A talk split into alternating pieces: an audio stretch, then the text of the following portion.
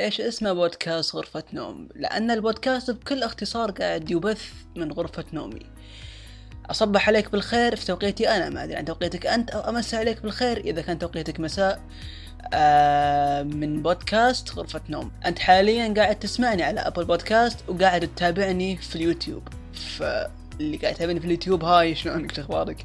واللي قاعد يسمعني على أبل بودكاست أهلا يا هلا يا مرحبا شلونك شو أخبارك؟ آه بدون أي مقدمات ما عندي محتوى معين أتكلم عنه ترى في يعني يمكن في البودكاست هذا تشوفني أتكلم عن موضوع بس البودكاست اللي بعده تشوفني رايح مندرج تحت محتوى ثاني تماما. فأنت في كل بودكاست راح تشوف حاجة جديدة. وعشان كذا بودكاست غرفة نوم راح يعرض كل يوم اثنين. اتفقنا؟ كل يوم اثنين في بودكاست غرفة نوم. طيب إيش رأيكم من بعد عن الرسميات ونخش في البودكاست. يلا مشينا. بسم الله الرحمن الرحيم.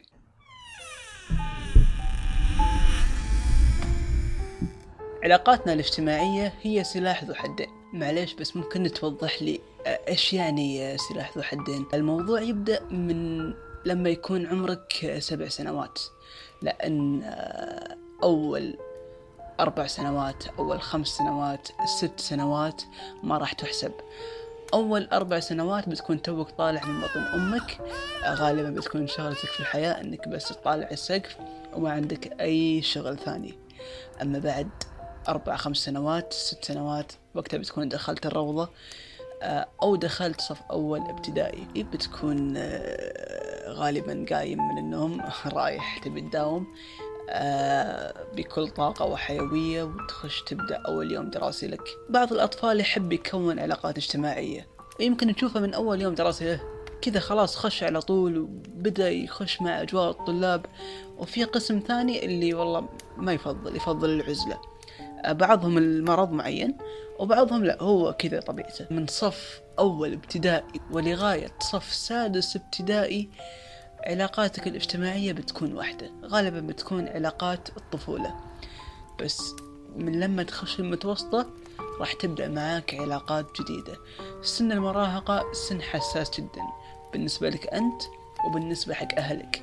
لأن أغلب علاقاتك الاجتماعية راح تحس بينك وبين نفسك إنها علاقات راح تدوم دائما. هذا أول إحساس. وفي إحساس ثاني. عند كل مراهق موجود مندفع جدا في الحياة تبي تجرب كل شيء. آه وكل غلطة راح تغلطها بالسن هذا بتحس بينك وبين نفسك إنها هي صح. بتحس هو مجرد إحساس بس إن هذه العلاقات راح تستمر لين بعدين. أكثر العلاقات اللي تنتهي علاقات سن المراهقة بعد ما تتخرج من الثانوية وتبدأ تخش في مرحلتك الجامعية هنا راح تبدأ تنقطع عن علاقاتك الاجتماعية. في سن المراهقة وراح تبدأ تنقطع عن علاقاتك الاجتماعية اللي كانوا في الطفولة موجودين معك راح تنقطع عنهم تماما. في بعض الحالات اللي راح تحافظ فيها على صديقك اللي بيكون من صف أول ابتدائي إلين الجامعة. وتصير أحيانا أن علاقاتك اللي في سن المراهقة موجودة معك حتى في مرحلتك الجامعية. المرحلة الجامعية مرحلة مختلفة تماما. على الأكثر على الأكثر مرحلة النضج راح تكون كبيرة معك. فبتكون شوي كبرت فهمت أكثر. آه عرفت إن فلان اللي كنت مخاويه في آه المتوسطة ما كان يناسبك. عرفت إن تفكيره والله مختلف عن تفكيرك. بس وقتها لما كنت في المتوسطة لأن عندك اندفاعية كبيرة ولأن توك بادي في الحياة فتحس أن كل اللي معك كويسين. خلال مرحلتك الجامعية آه، يمكن تقابل أصحابك اللي كانوا في الابتدائية وأصحابك اللي كانوا في المتوسطة وبرضو أصحابك اللي كانوا بالثانوية. آه، غالبا يمكن تقابلهم في كافيه أو في مجمع أو في مكان معين. راح تقول بينك وبين نفسك أوه هذا مو كأن محمد أو خالد أو فلان أو علان. إلا والله هو خل أروح أسلم عليه. أو أحيانا يجيك شعور في داخلك إنه أوه لا لا ما أبغى أسلم عليه. الحوار بعد ما تتلاقون راح يكون كالآتي. أه هلا والله فلان شلونك؟ إيش أخبارك إن شاء الله بخير. هلا أهلا. أه من زمان عنك من زمان ما شفتك. والله تعرف أه مشاغل الحياة والدراسة والجامعة. هنا أول مرة في حياتك تقول مشاغل الحياة وهنا مربط الفرس. هنا الحاجة اللي أنا أبي أوصلها لك. لأن مشاغل الحياة هي نفسها اللي راح تخليك تتزوج. هي نفسها اللي بتخليك تنشغل في الحياة أكثر وأكثر. لين ما تجيك لحظة راح يصير عندك وقت فراغ ويمكن يكون كبير بعد. وقتها راح يطرون على بالك أصحابك اللي كانوا في أيام الطفولة واللي كانوا في المراهقة أو حتى اللي كانوا في مرحلتك الجامعية أو حتى اللي معاك في الدوام الحين. راح تشوف كل واحد منشغل في حياته وراح يرجعون لك على نفس الكلمة اللي قلتها لخويك لما قابلته في المقهى. وينك؟ والله لا هي في الحياة لا هي في مشاغل الحياة. لما توصل حق مرحلة وقت الفراغ لا تدور على علاقاتك الاجتماعية. دور عن نفسك أنت.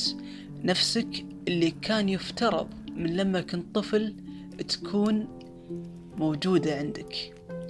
هذا الشيء في أول مراحل حياتك راح يعينونك عليه أهلك إنهم يساعدونك على إنك تبحث عن هواياتك تبحث عن حتى أهدافك.